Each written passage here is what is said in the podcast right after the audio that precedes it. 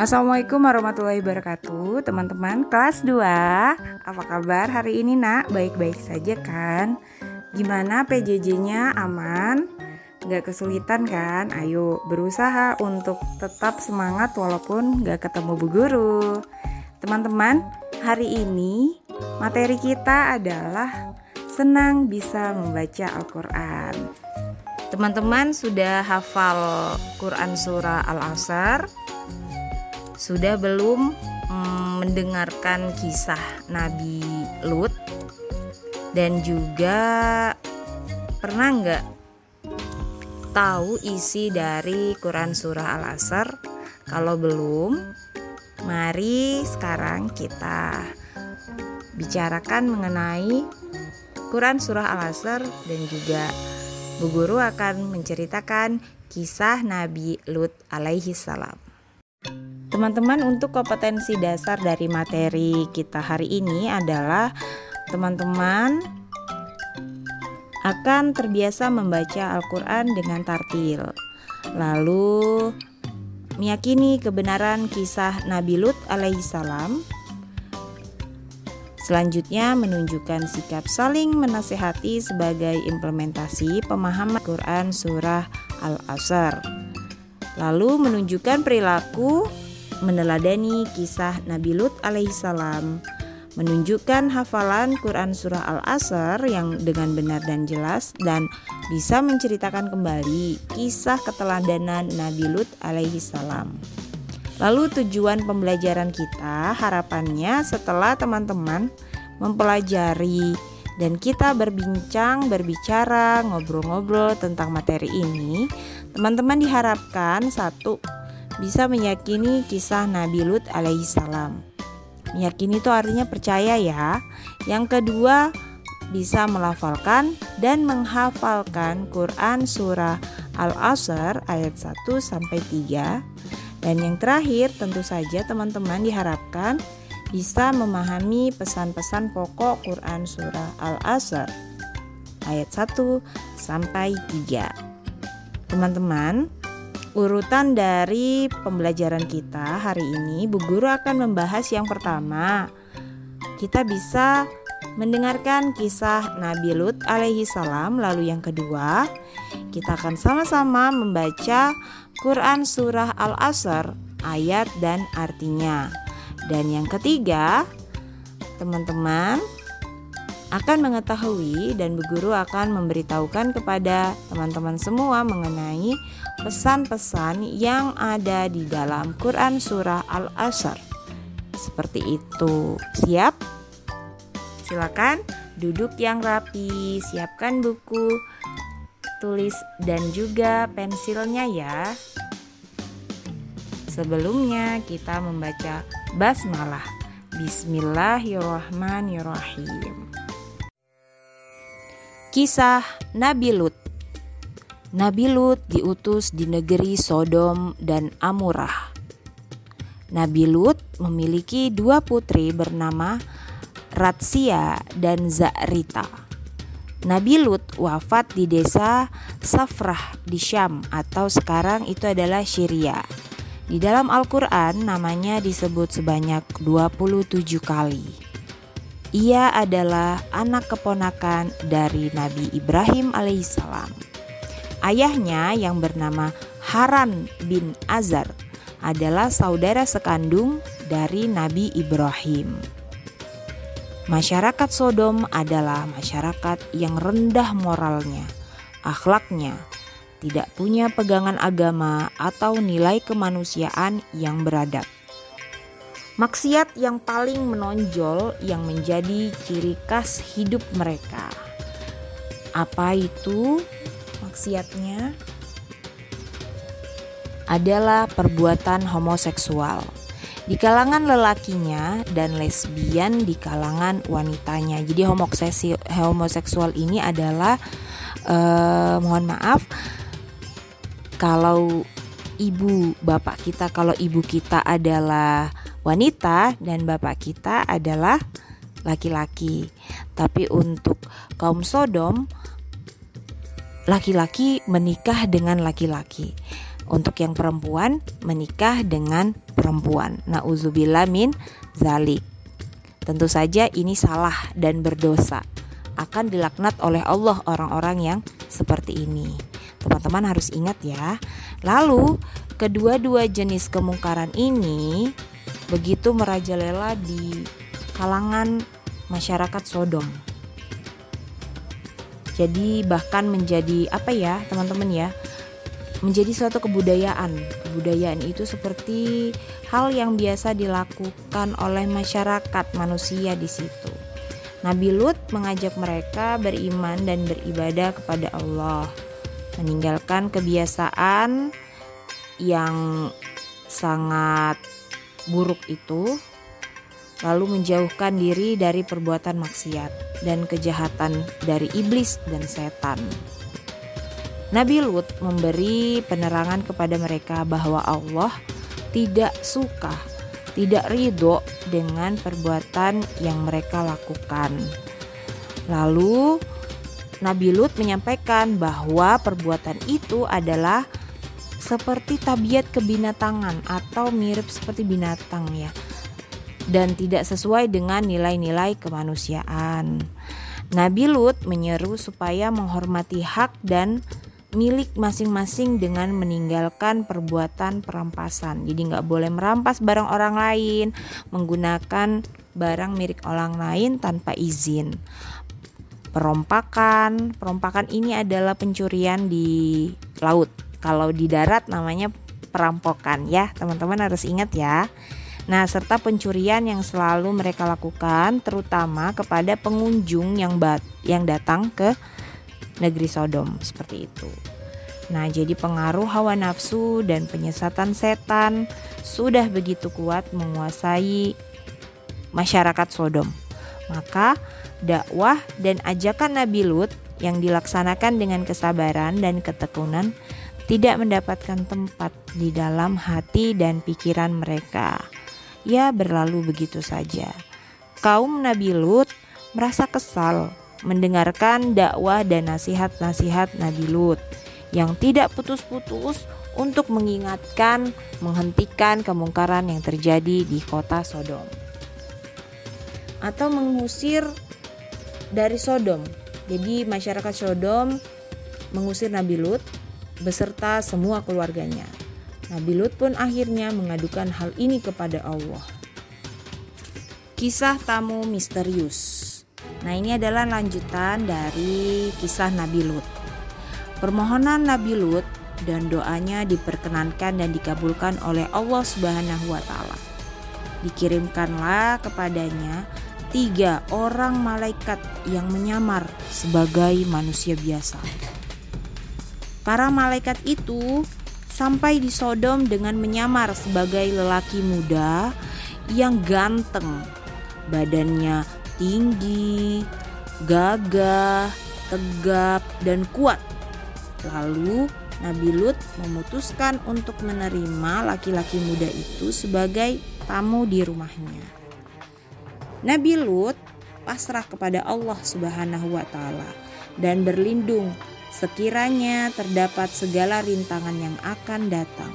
Lalu pergilah ia sendiri menjemput tamu yang sedang menanti di pinggir kota, dan diajaklah mereka bersama-sama ke rumah Nabi Lut. Ketika itu, kota Sodom sudah diliputi kegelapan, dan manusia sudah nyenyak tidur di rumah masing-masing.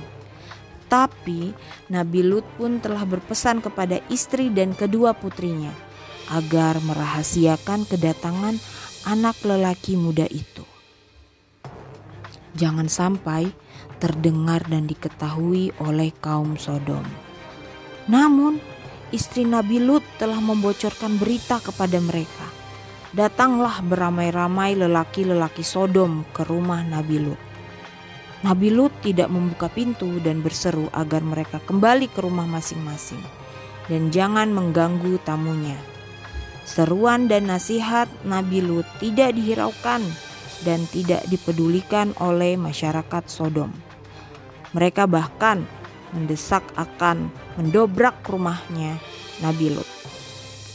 Lalu malaikat-malaikat itu menyuruh Nabi Lut membuka pintunya. seluas mungkin. Namun malangnya tiba-tiba gelap pandangan mereka dan tidak dapat melihat sesuatu. Malaikat tadi sudah membutakan mata mereka. Lalu diusap-usap dan digosok-gosok mata mereka. Ternyata mereka sudah menjadi buta. Para malaikat menyuruh Nabi Lut agar segera meninggalkan perkampungan itu bersama keluarganya. Karena masanya telah tiba. Apakah masa itu? Ya, masa azab dari Allah yang akan ditimpakan kepada masyarakat Sodom. Para malaikat berpesan kepada Nabi Lut dan keluarganya, ketika dalam perjalanan ke kota, jangan seorang pun dari mereka menoleh ke belakang. Akan tetapi, istri yang menjadi musuh bagi Nabi Lut alaihissalam, ia berada di belakang rombongan Nabi Lut, berjalan perlahan-lahan, tidak secepat langkah suaminya, dan tidak henti-hentinya menoleh ke belakang. Kenapa? Karena dia penasaran, ingin mengetahui apa sih yang akan menimpa kaumnya. Dan begitu langkah Nabi Lut beserta kedua putrinya melewati batas kota Sodom, sewaktu fajar menyingsing, bergetarlah bumi dengan dahsyatnya di bawah kaki rakyat Sodom. Tidak terkecuali istri Nabi Lut yang munafik itu. Getaran itu mendahului suatu gempa yang kuat dan hebat disertai angin yang kencang dan hujan batu sijil yang menghancurkan dengan serta-merta kota Sodom beserta semua penghuninya. Teman-teman tahu nggak batu sijil itu apa? Batu dari neraka. Nauzubillah min zalik. Selesai. Itu tadi kisah Nabi Lut dan juga kaumnya yaitu kaum Sodom yang diazab oleh Allah Subhanahu wa taala. Surah Al-Asr Bismillahirrahmanirrahim Dengan menyebut nama Allah yang Maha Pemurah lagi Maha Penyayang. Wal 'asr Demi masa Innal insana lafi khusr Sesungguhnya manusia itu benar-benar berada dalam kerugian. Amanu wa amilus salihat Kecuali orang-orang yang beriman dan mengerjakan amal soleh. Wa tawasaw bis sabr Dan nasihat menasehati supaya menaati kebenaran. Dan nasihat menasehati supaya menetapi kesabaran. Pesan pokok surah Al-Asr. Surah Al-Asr adalah surah ke-103 dalam Al-Qur'an. Surah Al-Asr tergolong surah Makkiyah. Surah Makkiyah ini adalah surah yang diturunkan di kota Mekkah. Surah Al-Asr terdiri dari tiga ayat dan juga berisi tentang pentingnya waktu. Allah bersumpah demi masa atau demi waktu. Allah mengingatkan kepada kita, sesungguhnya manusia dalam kerugian. Agar tidak tergolong orang yang rugi, maka Allah memerintahkan kepada manusia untuk satu beriman kepada Allah Subhanahu wa taala, dua mengerjakan amalan solih, tiga saling memberi nasihat pada kebenaran dan saling menasehati untuk kesabaran. Teman-teman tahu nggak sih amal solih itu apa? Amal solih itu adalah perbuatan yang baik dan diniatkan dilakukannya karena Allah Subhanahu wa ta'ala bukan karena pengen dapat uang jajan lebih atau pengen eh, disayang eh, papa mama atau disayang teman tidak perbuatan yang baik itu bisa dikatakan sebagai amal soli yang diterima oleh Allah jika kita melakukan hal tersebut karena Allah Subhanahu wa taala. Lalu, apa arti beriman kepada Allah? Iman artinya percaya, keyakinan yang kuat dalam hati kita, diucapkan dengan lisan kita. Kita ucapkan nih dan diwujudkan dengan amal perbuatan. Jadi iman memiliki tiga bagian. Pertama, berupa keyakinan dalam hati. Kita yakin di dalam hati kita nih. Kedua, diucapkan dengan lisan. Nah, dengan bicara-bicara begini namanya lisan.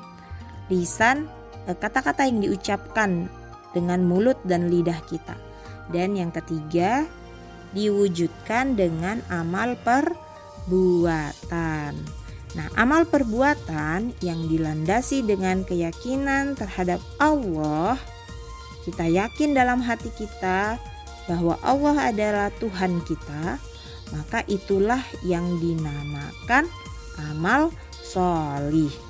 Dan Allah menjanjikan siapa saja yang beriman dan mengerjakan amal solih baginya pahala dan tentunya dimasukkan ke dalam surganya Allah. Yeay! Senang gak tuh? Senang kan ya? Maka kita harus menjadi anak yang solih, yang beriman kepada Allah Subhanahu wa Ta'ala. Tentunya, kalau sudah jadi anak solih, disayang oleh ibu dan bapak kita, seperti itu. Teman-teman, jika ada pertanyaan, boleh ditanyakan langsung ke Bu Guru atau bisa chat ke Bu Guru ya. Oke. Menghafalkan dan melafalkan surah Al-Asr. Teman-teman, Bu Guru sudah tahu bahwa teman-teman sudah menghafalkan Quran surah Al-Asr karena kebiasaan kita saat berdoa mau pulang, Quran surah Al-Asr ini dibacakan.